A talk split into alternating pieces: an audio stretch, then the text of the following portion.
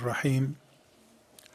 Elhamdülillahi Rabbil alemin. Ve sallallahu ve sellem ala seyyidina Muhammedin ve ala alihi ve sahbihi ecma'in. Alim ve sabır kelimelerini birleştireceğiz.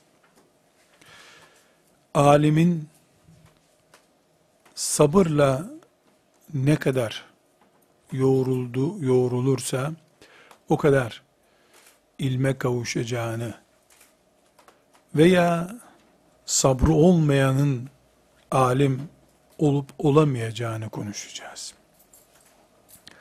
Sabrın ne olduğunu tarif etmemize gerek yok. Sabrı biliyoruz. Sabrı hangi manada kullanacağımızı, kullanmamız gerektiğini, dinimizin sabrı bize hangi noktada tutup gösterdiğini biliyoruz. Ancak sabrın en büyük pratiğinin peygamberler üzerinde gerçekleştiğini biliriz. Nuh aleyhisselamdan, İbrahim aleyhisselamdan, Eyyub aleyhisselamdan örnekler biliriz. Çocukken de bilirdik, büyükken de biliriz. Peygamberler böyledir deriz. Bunda bir sıkıntı yok. Başta Ammar, Bilal olmak üzere Allah onlardan razı olsun. Ashab-ı kiramın sabırla nasıl yoğrulduklarını da biliriz. Bunu da bir tür menkıbeler, hikayeler şeklinde dinlemişizdir. Bu da ikinci nokta. Üçüncü nokta, Ebu Hanife'nin, İmam Malik'in veya filanca büyük alimin nasıl sabrettiğini, nasıl sabırla yoğrulmuş bir hayat yaşadığı için alim olduğunu da üç aşağı beş yukarı hepimiz biliriz. Sabretmeyen nasıl alim olacak ki deriz. Bu da üçüncü nokta.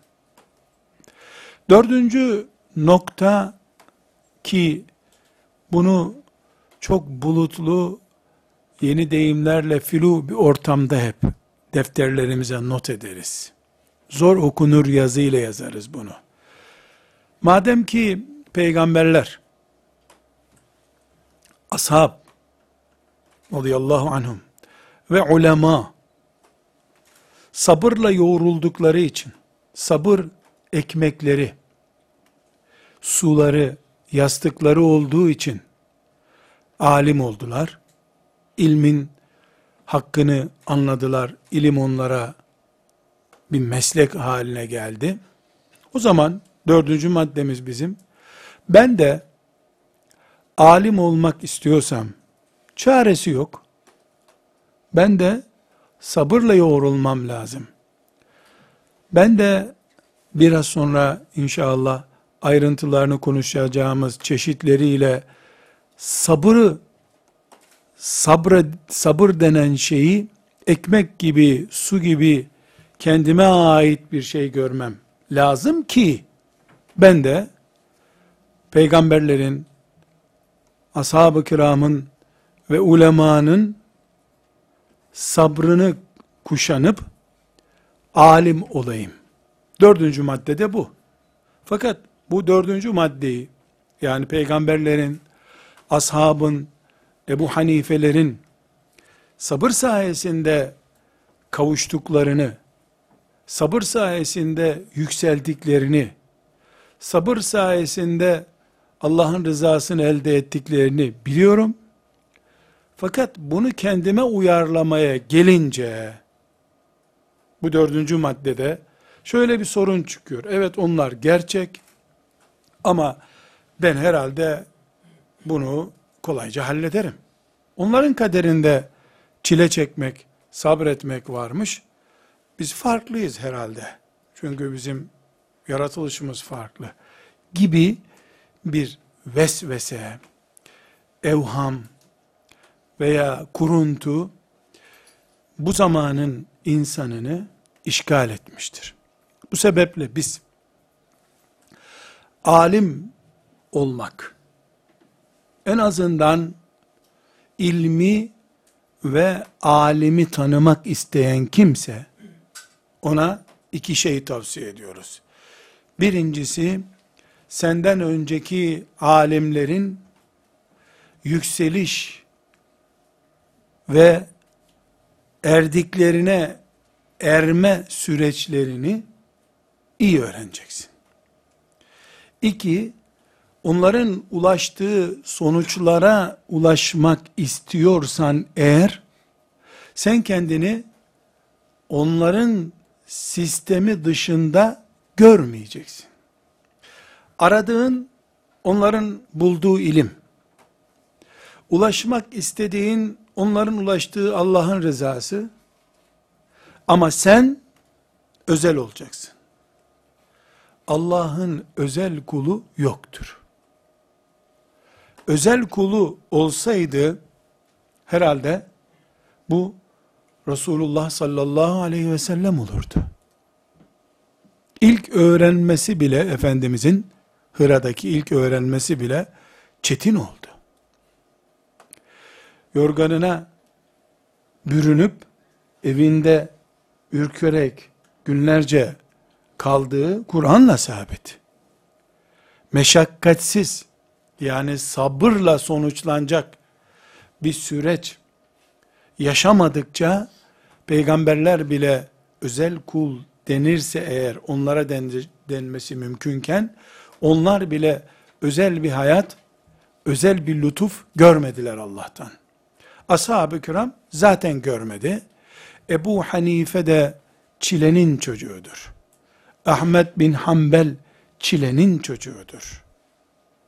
Ebu Yusuf, Ebu Hanife'nin bursunun çocuğudur. Çilesiz ancak istidrace ulaşılabilir. İlme ulaşılmaz. İstidraç nedir? Allah'ın cehenneme çekmek için kurduğu tuzağa yakalanmak demektir. Bir tür farenin önüne onu yakalamak için konmuş peynir gibidir istidraç. Bu sebeple bizden öncekilerin başta peygamberler olmak üzere, daha sonra ashab-ı kiram ve daha sonra bu ümmetin büyük alimleri, müştehitleri, e, Allah dostu dediğimiz insanları sabırla nasıl yoğruldularsa, aynı heyecanla, aynı umutla, kim ilim istiyorsa, o da sabırla oturup kalkmayı, sabırla yaşamayı, sabrı ekmek gibi, su gibi tüketmeyi öğrenecek. Şüphesiz, şüphesiz, herkese Allah'ın sabır imtihanı farklı olacak. Bilal'in sabır imtihanıyla Ebu Hureyre'nin sabır imtihanı aynı değildi. İmam Şafii'nin sabır imtihanıyla Ahmet bin Hanbel'in sabır imtihanı aynı değildi. Ebu Yusuf İmam Azam'ın talebesi, onun imtihanıyla İmam Azam'ın öbür talebesi olan İmam Muhammed'in sabır imtihanı aynı değildi. Ama herkes sonunda biraz sonra sayacağımız maddelerden birinde muhakkak sabır imtihanından geçecek birinde veya ikisinde veya üçünde herkes sabredebildiği kadar Allah'tan karşılık bulacaktır. Temenni ettiği kadar değil. Yazıp çizdiği kadar değil. Temennileri ve yazıp çizdikleri konuştuklarının sabra yansımışı kadar Allah'tan bulacaktır herkes. Kadın veya erkek, genç veya ihtiyar. Bu sebeple diyoruz ki, bu fani dünyada insanın hayatı zaten sabır için ortaya çıkarılmış bir değer. Nerede kaldı ki Allah'tan en büyük ecri bekleyen alimler, peygamberlerin varisleri durumundaki alimler, Peygamber aleyhisselam efendimizin nübüvvet hariç kişiliğinin, makamının varisi olan alimler herhalde çile ile yoğrulmuş bir hayat yaşayan, doğmadan babasının ölümüyle ortaya çıkmış bir çile mücadelesini 63 sene yaşamış peygamberin koltukta, keyfi yerinde, klimalı, sıkıntısız, stressiz vekili olamaz kimse. Olursa bu kazanç mıdır? Zarar mıdır? Ahirette ortaya çıkacak kadar karanlık bir kazanç olur. Evet, işkence çekmeyen, sıkıntıya tabi tutulmayan batmıştır, helak olmuştur diyemeyiz. Ama peygamber çileli bir hayat yaşadı diyoruz. Ebu Bekir çileli bir hayat yaşadı. Ömer çileyle Resulullah'ın mihrabında şehit olarak bitmiş bir çileyle Rabbine kavuştu. Osman öyle, Ali'si öyle, Hasan'ı öyle, Hüseyin'i öyle. E bize ne kaldı bu dünyada? Oteller kaldı bize. Keyfu sefa kaldı. Yukarıdan aşağı saydığın isimlerde yatağında şöyle çoluk çocuğuna vasiyet ederek hadi çocuklar helal olsun hakkım tamam diyerek öleni yok bu dünyanın. Ama beklentisi böyle olanlar var ve bunlar beklentilerine ulaşıyorlar. Bu gerçek değil. Hayatın bir yerine oturtulamaz bu. Bu sebeple elif cüzü öğrenir gibi yani elif, ba, ta, sa diye öğrenir gibi, tecvid kurallarını öğrenir gibi, metni muttasıldır, metni munfasıldır dediğimiz gibi, sabır diye de bir ders öğrenmemiz lazım. Elbette, Riyazu Salihin okuyanlar, sabrı ilk konulardan biri olarak görecekler zaten. Hadis okuyan, İhya-u dini ders veya evde e, okuma kitabı olarak kendisine tercih edenler sabırla ilgili konular okuyacaklar. Ama burada biz ilim yolunun yolcuları olarak inşallah böyle temenni ediyoruz Rabbimiz bizi ilim yolcusu kabul buyursun diye. Böyle beklentisi olan birileri olarak istiyoruz ki bunu bizden öncekiler üzerinden bizden öncekilerin yaşadıkları üzerinden canlı izleyelim. Ebu Hanife'nin, İmam Şafii'nin, Ahmet bin Hanbel'in, Malik bin Enes'in ve diğer ulemanın, müştehitlerin çilesini en azından bilelim. Gittiğimiz yolun, güzergahın şartlarını öğrenmiş oluruz. Bunu öğrenmek, bize gerçeklerle yüz yüze gelmeyi sağlar. Gerçeklerle yüz yüze kalırız. Bu böyledir. Elbette ve elbette sözlerin başında şunu konuşmamız lazım. Kesinlikle Allah'tan bela istenmez. Sabredecek bir şeyler ver ya Rabbi denmez. Caiz değil bu. Bunu istedin mi? O gelen şey senin sabretmen gereken şey değil, tuzağın olur bu sefer. Allah'tan bela istemek caiz değil. Ama gelene sabretmek farz. Bu sebeple biz Ebu Hanife olmak için yahu birisi bize Yargıtay Başkanlığı teklif etse de biz de yok desek de karşılığında da bizi bir zindana atsalar da zindanda şehit olsak da asrın Ebu Hanifesi diye adımız çıksa böyle diye filmlerde olur. Hayat böyle değil. Rabbin sana işte Yargıtay Başkanlığı Ebu Hanife'ye teklif edildiği gibi Yargıtay Başkanlığı değil de filan yerde öğretim üyeliği teklif eder. Sen hala Yargıtay Başkanlığı beklersin. Halbuki Ebu Hanife'nin karşısına konan imtihan nesnesi senin karşına da kondu sen onu kaybettin anlayamazsın. Çünkü sen Ebu Hanife değilsin. Malik bin Enes değilsin. Sen sensin. Senin imtihanın da senin imtihanındır. Malik bin Enes'in imtihanı da Malik bin Enes'in imtihanıydı. Ebu Hanife rahmetullahi aleyhin imtihanı da Ebu Hanife'nin imtihanıydı. Birbirimizin kasesindeki çorbaya bakarak değil, kendi çorbamıza bakarak yaşamak zorundayız.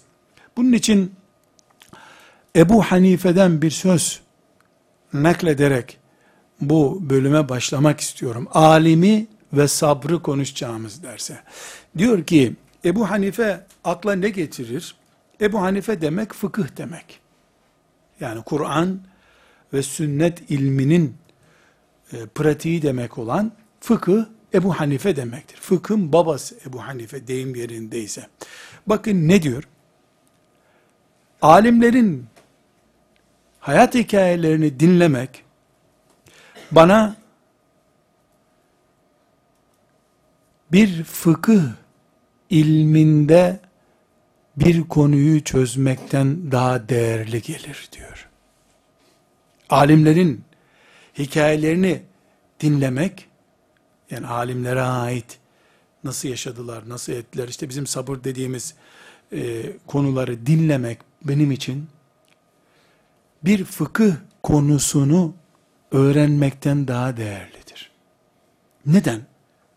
Çünkü Ebu Hanife rahmetullahi aleyh kendinden önceki birisinin hikaye dediğimiz hikaye masal manasında değil yani yaşadığı olay demek. Şahsın olayını dinlemeyi pratik bir ilim olarak görüyor. Fıkıh ise teori bir ilimdir. Teorinin pratiğe dönüştürülmesi bir zaman alacak. Onun zihninde. Ama kendinden önceki bir alimin hayatını dinlediğinde hazır malzemedir, kullanılır malzemedir Ebu Hanife için rahmetullahi aleyh. Biz de Ebu Hanife böyle düşünüyorduysa 1250 sene önce 1250 sene önce Ebu Hanife böyle düşünüyordu. Rahmetullahi aleyh. Biz bugün ki Ebu Hanife'den sonra on binlerce alim, ilim talebesi bu yolda mesafe kat etti. Bizim hayda hay onların yaşanmış hayat hikayelerine ihtiyacımız vardır. Bu sebeple e, bir hususa dikkatinizi çekmek istiyorum kardeşlerim. Bu bir dipnot olarak bunu alabilirsiniz. Direkt konumuzla alakalı değil. Tasavvufun ve tasavvufun halkça adı olan tarikatın, tarikat aslında tasavvufun çalışma sistemine verilen isim, tasavvufun veya tarikatın insanlar üzerindeki en önemli etki veya eğitim unsuru öncekilerin hikayeleridir. Şeyh Efendi İhya-i Ulumuddin okutarak müritlerini ihya etmez. İhya'yı kendisi okur. Çünkü insanlar İhya Ulumuddin'den binlerce sayfa okuyup nasıl iyi bir Müslüman olacaklarını öğrenene kadar şeyhin elinden kaçar onlar zaten. Bu neye benziyor biliyor musunuz? Öğlende ekmek lazım. Saat 9. 12'de ekmek lazım. Ne yapacağım?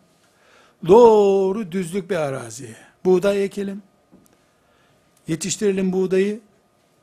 Harmanlayalım. Değirmene götürelim. Öğütelim. Un yapalım hamur yapalım, bir gün mayalansın, fırına koyalım, pişirelim, yiyelim, doyalım. İhya Ulumuddin'den, Bukhari'den, Bakara suresinden ders yapmak budur. Bu saat 9, 12'de sofra kuracaksın. Ne zaman ekeceksin? 6 ay sonra bitecek buğday. 300 tane öyle geçer o arada. Bunun yerine Bakkala gidersin, fırına gidersin, sıcak bir ekmek alırsın. Çorba olmasa bile o mis gibi o ekmek, oh, yersin, doyarsın, bazen midene oturur ama. Bazen değil, sıcak ekmek hep oturur mideye. Şeyh Efendi,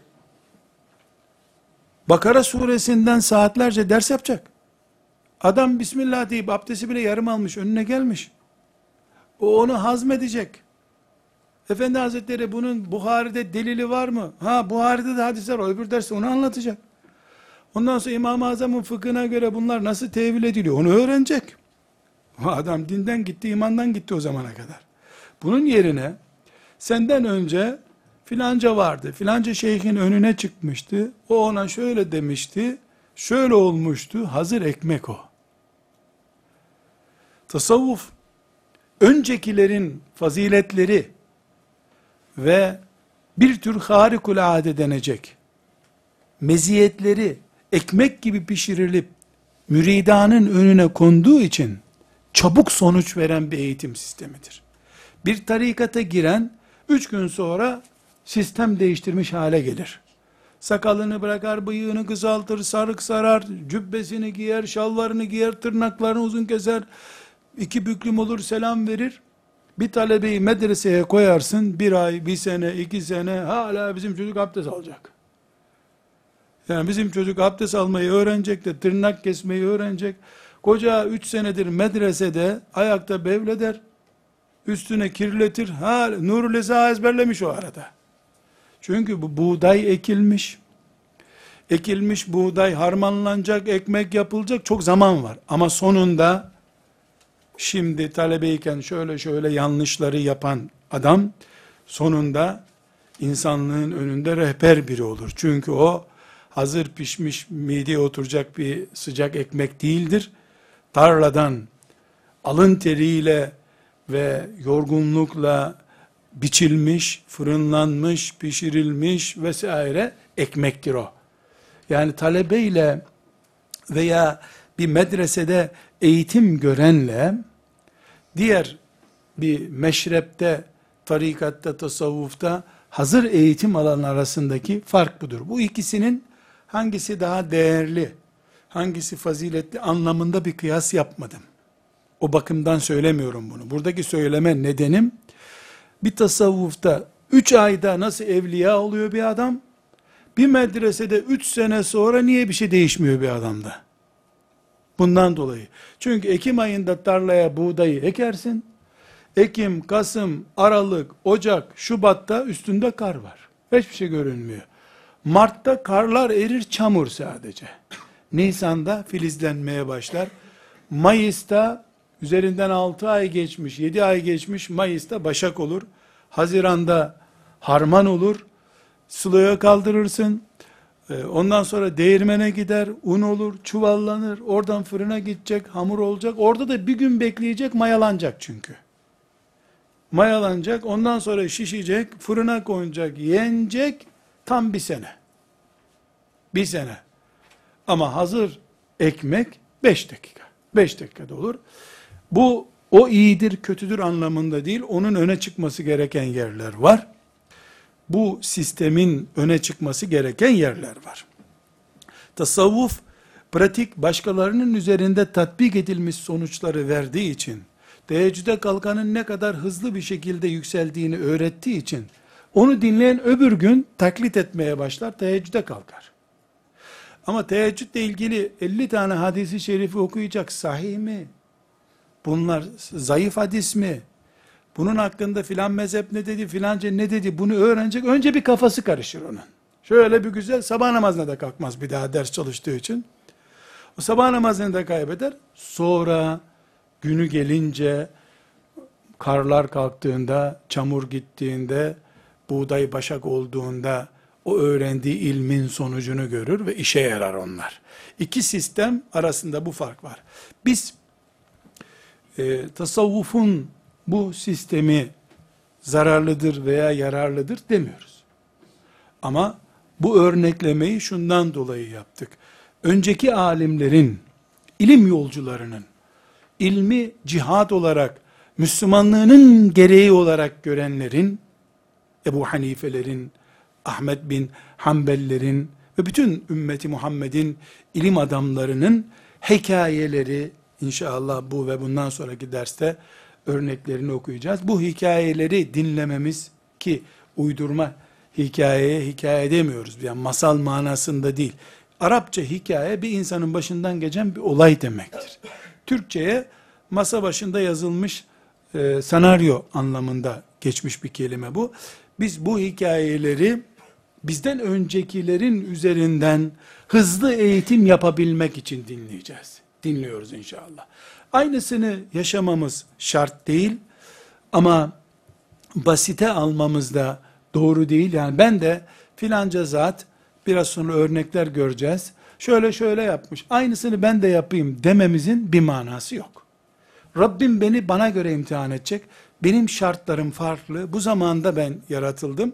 Bu zamanın imtihanına tabi tutulacağım demek zorundayız. Kardeşler, bu konuda ümmeti Muhammed'in geçmişinin birinci, ikinci asra ait, hatta üçüncü asra ait ki bu ümmetin altın asrı birinci, ikinci, üçüncü asırdır. O altının da işte saf altın birinci asırdır. 22 ayar diyelim 18 ayar böyle iniyor aşağıya doğru. Bize gelince herhalde eksi 20 mi oldu ne olduysa altın ayarımız. Ama gidiyor. Allah sonumuzu hayır etsin. İnşallah ilk nesli imrenerek izlediğimiz için Rabbimiz bizde de biraz ayarımızı yükseltir diye niyaz ederiz. Bu dönemlere ait bu sözünü ettiğimiz ilim adamlarının, Allah dostlarının e, hayat hikayelerinin yazıldığı en değerli kitap Ebu Nuaym el-İsfahani'nin Hilyetül Evliya isimli kitabıdır. Hilyetül Evliya çok değerli bir kitaptır. Yüzlerce hadisi şerif sadece Hilyetül Evliya'da bulunabilir. Ebu Nuaym el-İsfahani kıyamet günü inşallah ümmeti Muhammed'in bu altın asırlarını e, bugünlere taşımanın gururuyla dirilecek diye imreniyorum. İmreniyorum. Ee, inşallah Rabbim bizi de sevdiğimiz için onlarla beraber yaratır diye de temenni ediyoruz. Hilletül Evliya bu konularda bir numara kitaptır. Ama dikkatinizi çekerim, muteber bir hadis kitabı değildir. Tarih kitabı gibidir. Yani Hilletül Evliya, Ebu Nuaym el-İsfahani'nin Hilletül Evliyası, burada övdük, öne çıkardık ama Bukhari gibi bir kitap değil. Artısı eksisi olan, bazı bilgileri yanlış aktardığı, bazılarını tam aktardığı bir kitaptır. Onun içindeki bilgileri daha sonraki alimler tahkik etmişler. Yani ne kadar aslı var, ne kadar yok incelemişler. Binaenaleyh o incelemeye göre yorumlamak gerekiyor. Hilyetül Evliya. Daha sonra 5. asrın alimlerinden olan Ebul Farac İbnül Cevzi bu kitabı e, özetlemiş. Bu kitap 10 cilt büyük bir kitaptır. E, İbnül Cevzi bunu sıfatus safve sıfatus safve e, iyilerin özellikleri diye tercüme edebiliriz bu ismi. Sıfatus safve diye özetlemiş. Bu sıfatus safve yani daha iyisi olmayacak kadar değerli bir kitaptır. Ee, maalesef Türkçesi her iki kitabında Hilletül Evliya'nın da Sıfatü Safvan'ın da Türkçesi olup olmadığını bilmiyorum. Daha doğrusu bugüne kadar bu isimle elime geçmedi. Ama Arapça olarak Hilletül Evliya, daha sonra da Sıfatü Safve bu konuların e, en değerli kaynağıdır. Bilhassa Sıfatü Safve İbnül Cevzi muhaddis bir insan olduğu için e, güvenilirlik bakımından Hilyetül Evliya'dan daha değerli bir kitaptır. İbnül Cevzi'nin kalemi daha muteber, bolt bir kalemdir. Yani yazdığı daha güvenilir, muteber biridir. Ve bu iki kitap ümmeti Muhammed'in ilk üç asrının, altın asrın bugüne aktarılması Rabbim tarafından e, murad edilmiş olaylarının anlatıldığı bir kitaptır. Ben ise burada hocamız Abdülfettah Ebu Gudde rahmetullahi aleyhin Safahatun min sabril ulema ala şedaidil ilm isimli kitabından alıntılar yapacağım. Bu kitap Safahatun min Sabril Ulema kitabı yeni bir kitap. Hocamız Ebu Gudde rahmetullahi aleyh bu yaşadığımız asrın insanıydı. Vefat etti. Suriye Halep diyarından alim, muhaddis, müdakkik bir insandı. Muhakkik bir zattı. Rahmetullahi aleyh. Ee, Türkiye'den Mısır'a hicret eden Zahidül Kevseri rahmetullahi Muhammed Zahidül Kevseri rahmetullahi aleyhinde talebesi, icazetli talebesidir. Bu kitabında ilim ve sabrı, alimle sabrı birleştiren olaylar naklediyor. Hem e, İbnül Cevzi'nin Sıfatu Safvesinden, Ebu Nuaym'in Hilletül Evliyasından, Zehebi'nin Siyer-u Alam'ın Nübelasından ve benzeri kitaplardan nakil yapıyor. Hem de rahmetullahi aleyh kendi çağına ait hatıralardan naklediyor. Mesela Mustafa Sabri Efendi hocasıdır. Mustafa Sabri Efendi son Şeyhül İslam. Ondan Muhammed Zahidül Kevseri'den nakiller yapıyor. Kendisinin çektiği sıkıntılardan nakiller yapıyor. Bu elimizdeki Safahatun min Sabril Ulema kitabı Türkçe'de var. Ee, hocamız bunu ilk bastığı 70'li yılların baskısını e, Faruk Beşer Hoca Efendi Türkçe'ye tercüme etmişti. İlim uğrunda yaşanmış hayat hikayeleri diye Hoca Efendi'nin bu kitabını nakletmiş. Daha sonra Hoca Efendi vefat etmeden önce kitabı genişletti. Hemen hemen iki kat hacmine çıkardı. O elimdeki son baskısı da Safahatü min Sabri Ulema Hoca Efendi'nin vefatından önce genişlettiği, ilaveler yaptığı baskıdır. Bu baskısı da Erkam yayınları arasında ilim yolunda diye yayınlandı. Ee, Faruk Beşer Hoca Efendi'nin kitabını e, tercüme ettiğinde e, hocam buna el yazısıyla teşekkür yazısı ve izin yazısı yazmış. Son baskısında da Faruk Beşer kitabımı tercüme etti diye zikrediyor. E, bu ilk baskısı Hoca Efendi'nin. Faruk Hoca Efendi'nin de herhalde ilk tercümelerinden birisi. Bu ise daha yeni. Son yılda çıkmış. Şimdi ben bu kitaptan alıntılar yapacağım. E, ama tabi bu kitabın kendi içinde bir ağırlığı var arkadaşlar. Bir ilim ağırlığı var. E, alimlerin sabırla ilişkisini anlatan bir kitap sabırsız okunamaz. Bunu dipnot olarak düşeyim.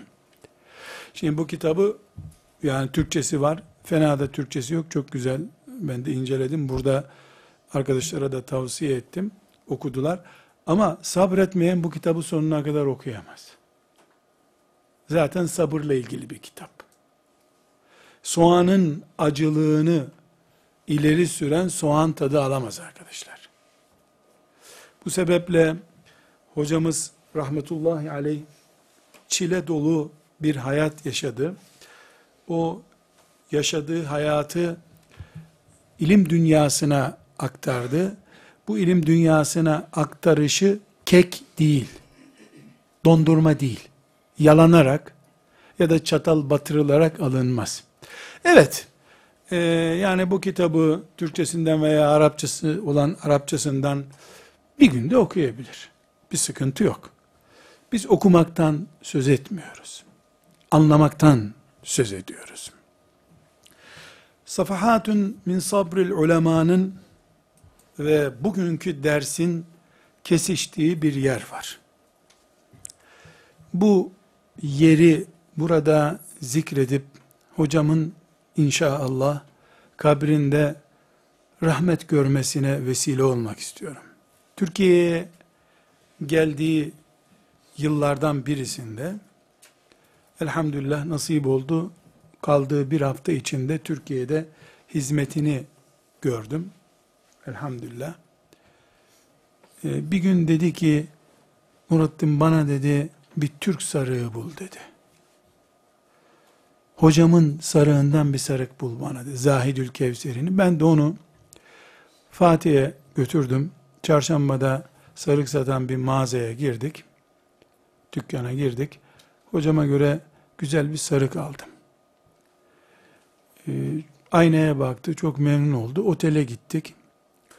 Dedi ki bir aynalı bir yerde duralım bu sarığı bir bakayım bir daha dedi. Bir daha koydu. Oldu mu Nurattin dedi. Bilmem hocam dedim. Rahat ettiniz mi? Yahu dedi hocamıza benzedik mi? Zahidü Kevseri'ye benzedik mi dedi. Ben görmedim Zahidü Kevseri'yi dedim. Benzedik inşallah. Benzedik dedi. Yani sarığın hocasının diyarından alınması onun için duygusal bir sahne 70 yaşını aşmış Allah dostu bir alim. Çok memnun oldu. Sonra otele gittik. Kaç para verdin sarığa dedi. Para vermedik dedim.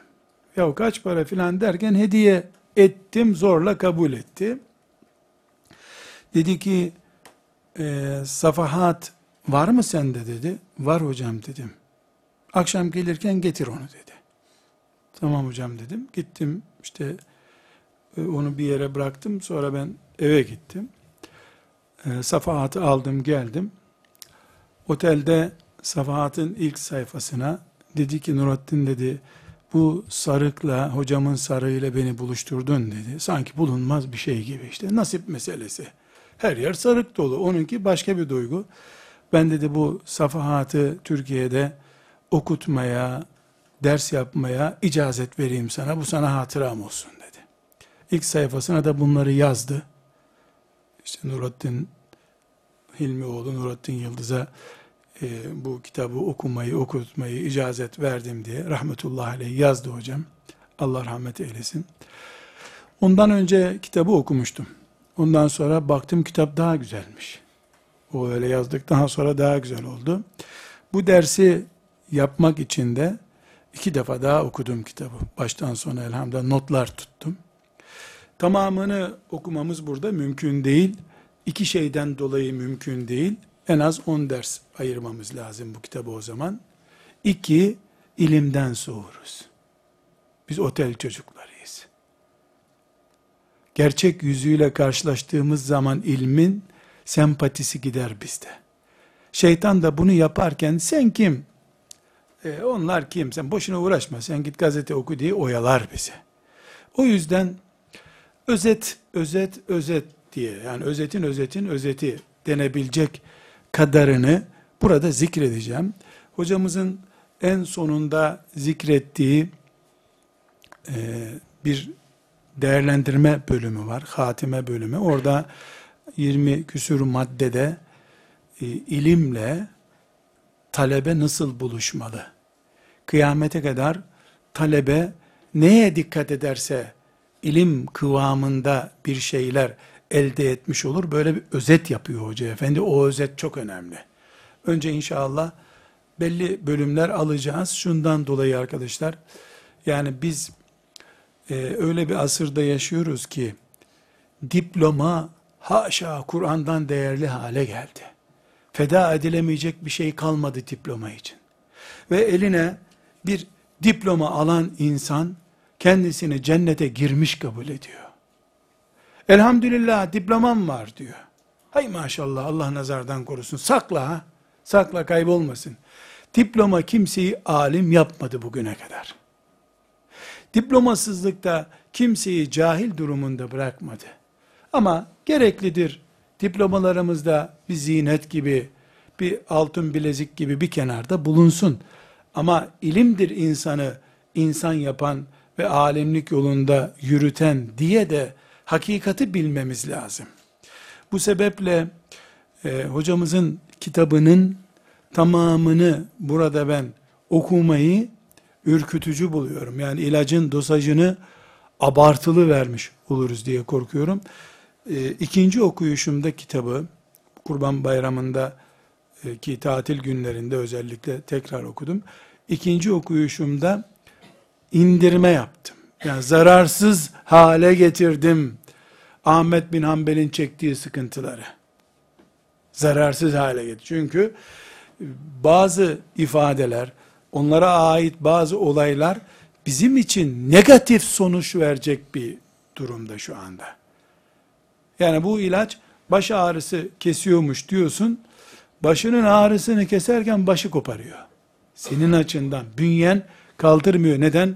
Annelerimiz, babalarımız ne yazık ki bizi dörder yıllık planlamalara göre okutuyorlar. Dört yıl şu okul, dört yıl şu okul, dört yıl şu okul diyorlar. Burada örnekler göreceğiz. Ee, İmam Malik'in talebesi var. Ee, örneğini göreceğiz arkadaşlar. Yani ne diyeceğimi bilemiyorum. İmam Malik'in önünde ders okuyoruz diyor. Ee, birisi gelmiş Afrika'dan. Filanca burada mı?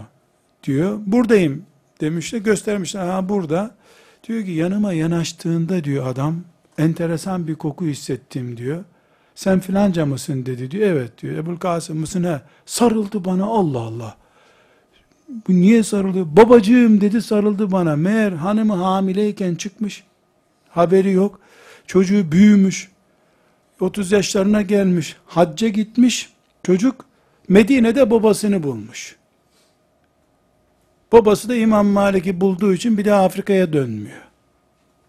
Bu arkadaşlar e, bizim oturup hikaye olarak bile dinlerken e, ilacın yan tesirinden korkacağımız vahim bir durum. Çok vahim. Bu tip örnekleri göreceğiz. İnşallah istifade etmek için. Kesinlikle geçmişlerin acıları üzerinden tatlanmaya niyetli değiliz. Bir faydası da yok zaten. Kıyamet günü faydası olmayan bir şeyi bugün burada ne yapacağım ben? Ama geçmişin büyüklerinin yaşadığı olaylar üzerinden büyük olmayı öğreneceğiz. Tekrar vurguluyorum arkadaşlar. Biraz sonra hocamız 8 bölümde ele alıyor alimin çile hayatını. 8 bölümdür. Yani onun gözü perspektifinde toparlamış. 8 tür çile çekti bu insanlar demiş. Bunların hiçbiri belki bizim için şimdi yok. Hepsinin 8'inin yerini de bilgisayar almış olabilir. Anneliğini yanlış kullanan bir anne bizim çilemiz olabilir arkadaşlar. Evladını Mehdi aleyhisselam görüp yanından ayırmayan, çişi bile mübarek bir çocuk gibi evladına tapınan anne, bugünün haccacı. Bugünün haccacı işte. Onun için bizim imtihanımız, bize ait bir imtihandır.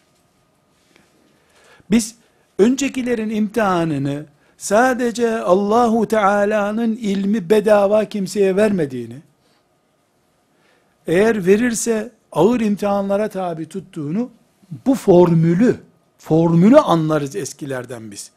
Bu formülü anladıktan sonra, ben kendi imtihanıma bakarım. Ders okumakla, karşıma engel olarak uyku çıkıyorsa, ne zaman kitabı açıp bir şey okurken, 10 aydır uyumamış bir adam gibi kitabın üstüne yığılıyorsam imtihan anlaşılmıştır. Bitti.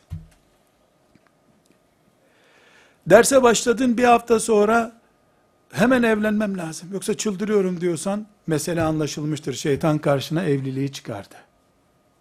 Bu haram değil. Ama alim olmak da farz değil. Herkese nasip değil bu. İlk testte aşağı düştüm. Duymuştum ne kadar doğrudur bilmiyorum. Pilotluk sınavı önce fiziksel yapılırmış. Pilotu böyle kafasından aşağı tutarlarmış. Saatlerce tutarlar, böyle çevirirler. Yani hava şartlarında midesi bulanıp bulanmadığına bakıyorlar. Ters dönünce bağırmaya başladı mı evinde istirahat et derlermiş. Bir daha pilot olma diye. E, her şeyin bir imtihan çeşidi var. allah Teala da alimlik maratonuna talip bir kulu imtihan edecek. Ama bu imtihanı nasıl yapacak? Nasıl murad ederse. Bu zamanda bilgisayar mıdır? Cep telefonu mudur? Twitter adresi midir? Arkadaş muhabbeti midir? Bilmem onu. Mesela bana göre fotokopi en önemli ilim düşmanlarından biridir. Ses kayıt cihazları, şu sistem büyük ilim düşmanıdır. Neden?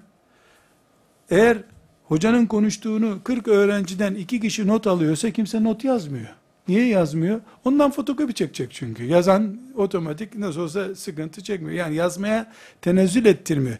Hiçbir fotokopi orijinal yazı değildir halbuki. Bunu anlayacak ne zaman? ilim elinden gittikten sonra anlayacak.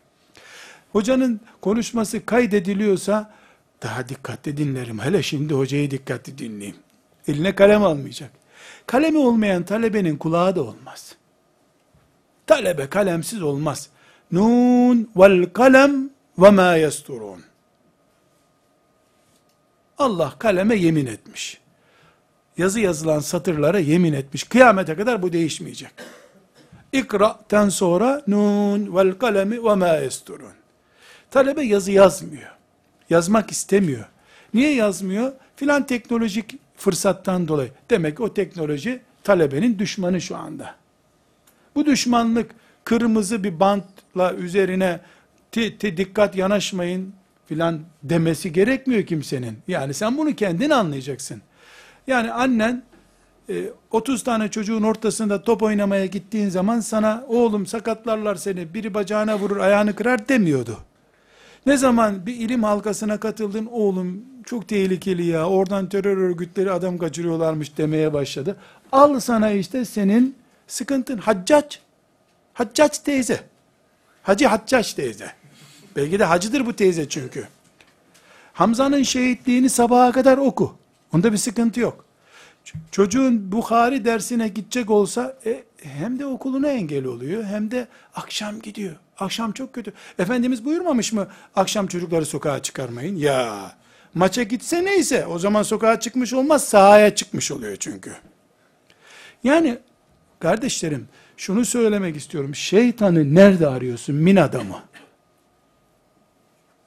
Şeytan avucunun içinde seninle maskara oynuyor. Yani biraz sonra öğreneceğiz. Alim Allah dedim ya yani ilacın yan tesir yapmasından bile korkuyorum. Bu adamlar, bu insanlar bu çileye nasıl katlanmışlar? Ne sevmişler ki ilmi? Göreceksiniz arkadaşlar insanın şüphe edesi geliyor acaba doğru mu bunlar diye.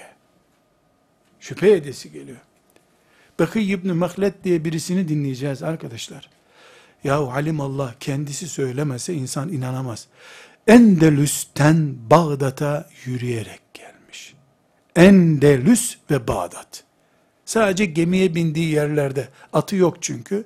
Ve 300 hadis okumuş Ahmet bin Hanbel'den, başka bir derdi yok. Toplam, sonra Ahmet bin Hanbel öldüğü için dersi yarım kalmış. 20 yıl sürmüş Endelüs'e gelişi. Endülüs'ten çıkıp tekrar Endülüs'e dönüşü. Ve bu arkadaşlar bir gazete haberi söylemiyorum ben size. Biraz sonra göreceğiz. Kaynakları belli. Kim kimden duymuş, nereden duyulmuş. Güçlü bilgiler konuşuyoruz arkadaşlar. Bu ümmet ilmi cihat gördü. Hamza'yı Uhud'da şehit etmeye razı olduğu gibi çocuklarını ilim yolunda feda etmeye de razı oldukları için bugün İslam diye bir din elhamdülillah elimizdedir arkadaşlar. Şimdiki Hacı Haccaç teyzelerin elinde olsaydı İslam, Ebu Hanife çıkar mıydı ortaya? Ahmet bin Hanbel 6 yaşı mı 9 yaşı mı olduğu tam net belli değil. 6 veya 9 yaşı arasında. Yani ya 6 ya 7 ya 8 ya 9. 10 yaşında değil ama. Teheccüd vaktinde yani imsak dediğimiz vakitte annesi kaldırıyor. Sabah namazındaki derse yetişebilmek için aşağı yukarı 3 saatlik bir mesafe gece yarısı götürüyor. Annesi geri geliyor. Akşam onu almaya gidiyor tekrar. Bu şekilde oğlunu hafız yapmış. Ama karşımıza Ahmet bin Hanbel çıkmış. Hacı Haccaş teyze çıkmamış. Bu sebeple bu ümmetin ilme fedakarlığını en azından bilelim. Bu ilme biz bu kadar fedakarlık yapabiliriz yapamayız ayrı bir konu. Ama Allah kime verdi bunu? Dört yıl okula gidip gelenlere mi? Uzaktan eğitime katılanlara mı? Can verenlere mi? Bunu göreceğiz. Hocamız rahmetullahi aleyh sekiz maddede bu Safhatun min sabril ulemai ala şedaidil ilmi ve tahsil isimli kitabında 8 başlık altında bugüne kadar ilmi getiren alimlerin çilesini anlatıyor. Ayrıntılarına girmeden bu 8 maddeyi kısaca sayayım. Birincisi meşakkat ve yolculuk diye bir sıkıntı görmediler diyor. Yani yolculuk muymuş, zor muymuş böyle bir yorum yapmadılar. 10 sayfa yazı okumak için Horasan'dan Bağdat'a gelmiş. Duymuş ki bunun 12 sayfa daha ilavesi var Yemen'de Abdurrezzak'ta. Atlamış oradan Yemen'e gitmiş. Arkadaşlar bir mahalle mescidinden öbür mahalleye gitmiyor. Arada 20 ülke var şimdi. Büyük ihtimalle de bunları yürüyerek geliyor. Hayvanı vardır muhakkak. Herkes diyecek ki bineği var bineği ama bineğinde kitapları yüklü. Gittiği yere ciltler dolusu kitabıyla gidiyor çünkü. Boyası, işte bir fıçı boya ile gidiyor. Kitap yazacak, ders notu tutacak, defterleri var. Bizimki gibi tabi blok notlarla gitmiyor. Bir defteri onun koca bir nüfus kütüğü gibi bir şey işte. İçine 200-300 sayfa yazı yazacak.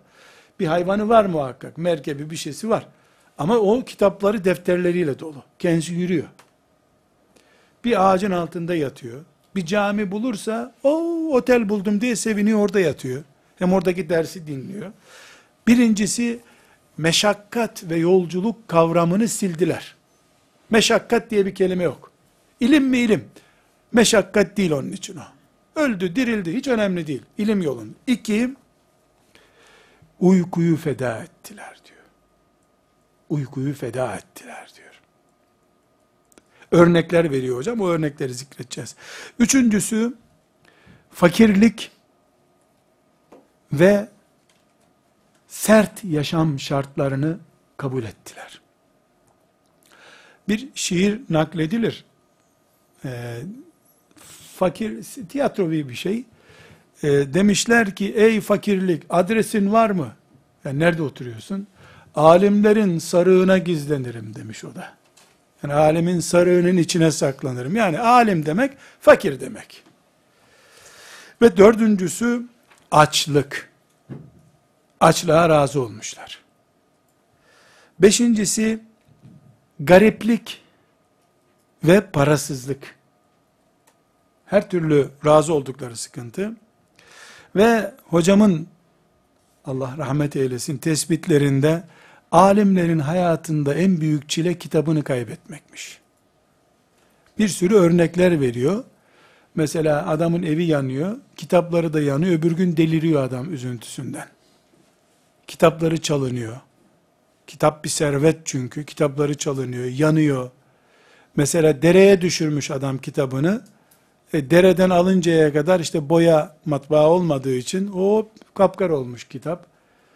Alimler bunu çile kabul ediyorlar. Yani kitabını kaybetti, çocuğunu kaybetti der gibi. Ve yedinci özellikleri tebettül. Tebettül. Tebettül arkadaşlar bildiğiniz bir kelimedir. Betül. Meryem annemizin sıfatı nedir? Betüldür. Betül ne demek? Evlenmeye ihtiyacı olmayan cinselliğini unutmuş demek. Meryem annemiz koca görmemiş bir kadın olduğu için betül kadındır denir. Tebettül bekar kalmak demek. Alimler bekar kalmışlar. Bekar kalmaya razı olmuşlar.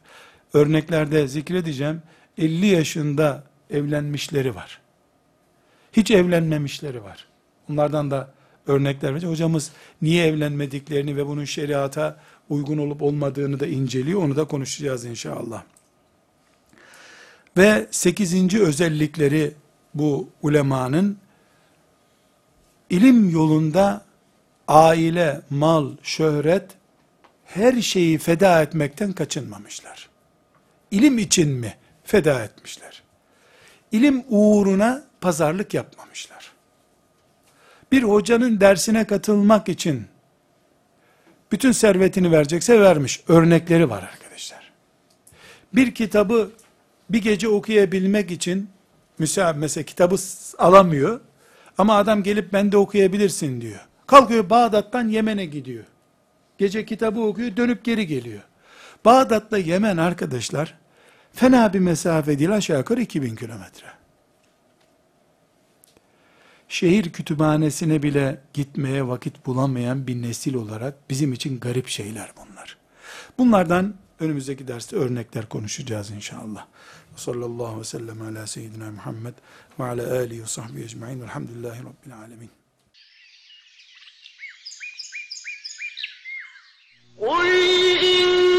قل